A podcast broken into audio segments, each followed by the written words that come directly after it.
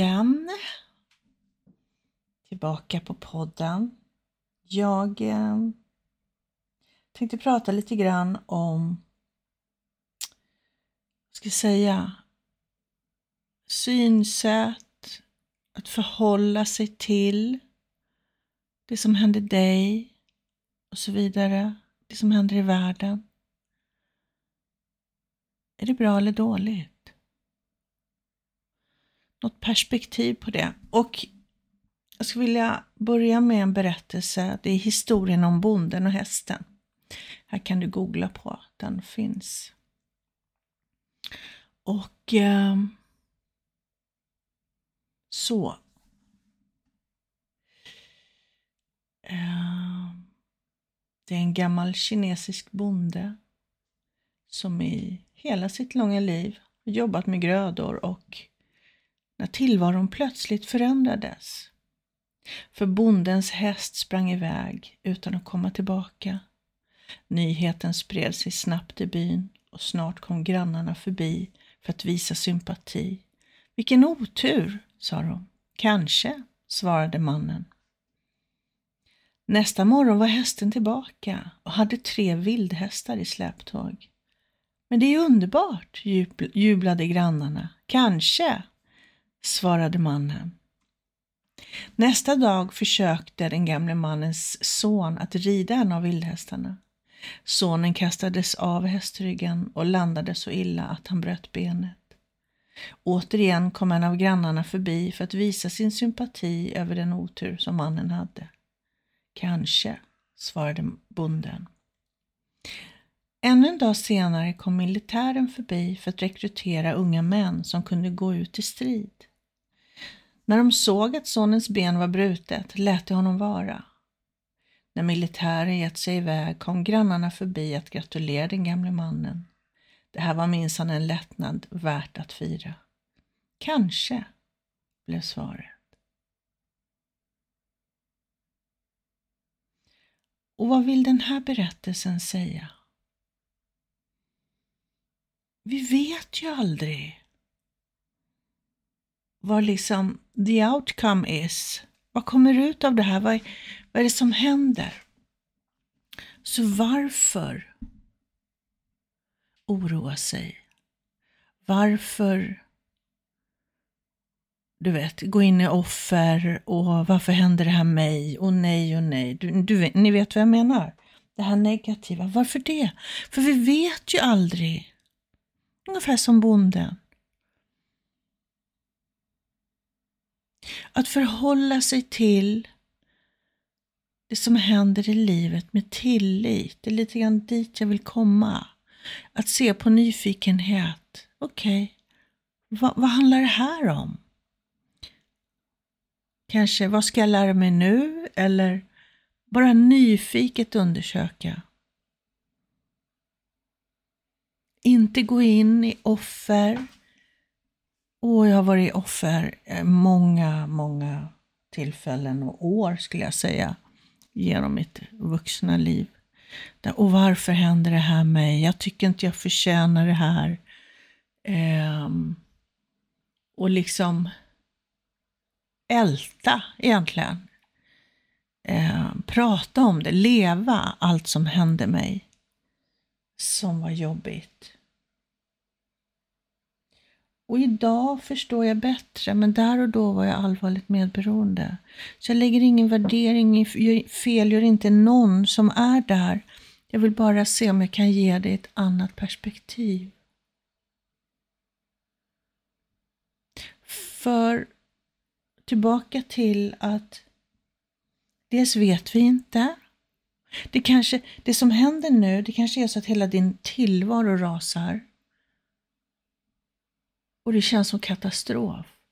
Men det kanske är någonting fantastiskt. Det kanske är en början på någonting nytt som blir helt fantastiskt för dig. För det vet vi ju inte. Ingen av oss vet. Precis som i bonden.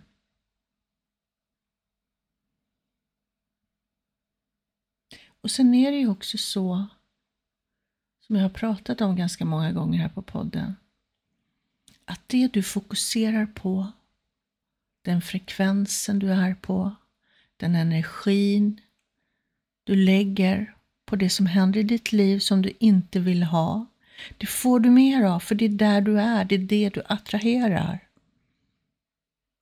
Om du som jag pratar om allt elände då som jag tyckte hände med alla jobbiga saker gång på gång på gång. Eh, och, och, bara pratade om det och inte förstod och så. Ju mer sånt hände, jag skrattar, eh, bara för att jag, jag ser det så klart idag och jag skrattar inte åt eh, att man är där, verkligen inte. Jag har all förståelse och respekt. Att man vet inte bättre. Men tänk om, om du vet bättre. Tänk om du kunde skifta ditt mindset och kika lite på med nyfikenhet det som händer. Om man då ska lite kort bara prata om det som pågår i världen så har jag full tillit till att det kommer att bli alldeles fantastiskt. Men vägen dit blir tuff. För vi kommer inte undan oss själva längre. Vi behöver stanna i oss själva. Tillåta oss att vara de vi är. Tillåta oss att ha alla våra känslor.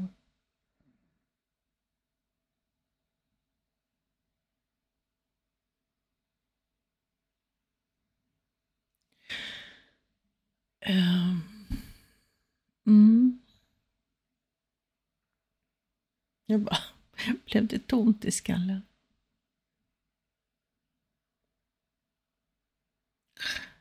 Om jag stannar lite grann i det här som pågår i världen.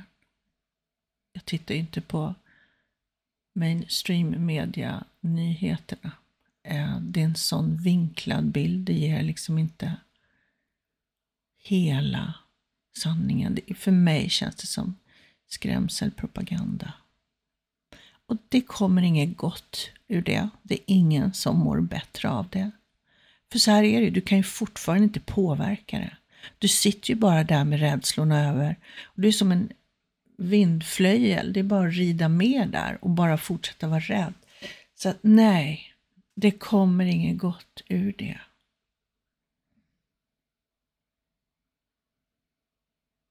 Sen med det sagt vill jag inte säga att man ska blunda och inte vilja se.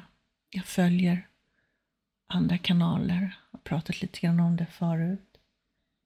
Ehm, um, Taroba Isabella som gör readings för det som pågår och alla olika länder i världen och så vidare. Och i det där så finns det inget att man mörkar. Ja, det händer så att säga katastrofer och väldigt, väldigt jobbiga saker, men det finns alltid ett hopp om att det här kommer att bli väldigt bra. Och det, det gillar jag. För det är det jag känner inom mig också. Det kommer att bli väldigt bra. Men just nu behöver vi hjälpa varandra igenom det här Och jag försöker göra det genom den här podden. Ge dig lite hopp, ge dig verktyg att må bättre i allt det här som pågår, kanske både i ditt liv och i världen. Och jag ber dig att fokusera på det som du kan påverka, det du kan förändra. Om det är så att du är i en destruktiv relation, så kan du inte förändra någon annan.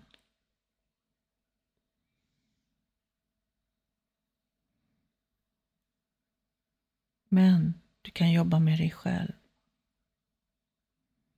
Så om du som jag lagt fokus på andra människor, kanske får dem att förstå. Sluta med det. Lägg det på dig. Det är där du har vägen framåt. Det är där du har vägen till lycka. Att bli självmedveten och självaccepterande. Acceptera dig själv precis som du är. Utan dömanden och värderingar.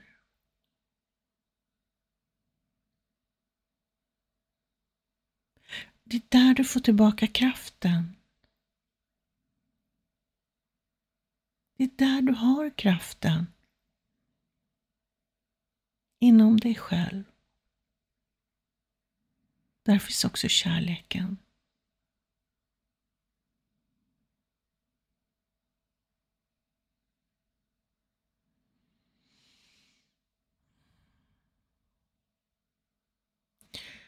Jag vill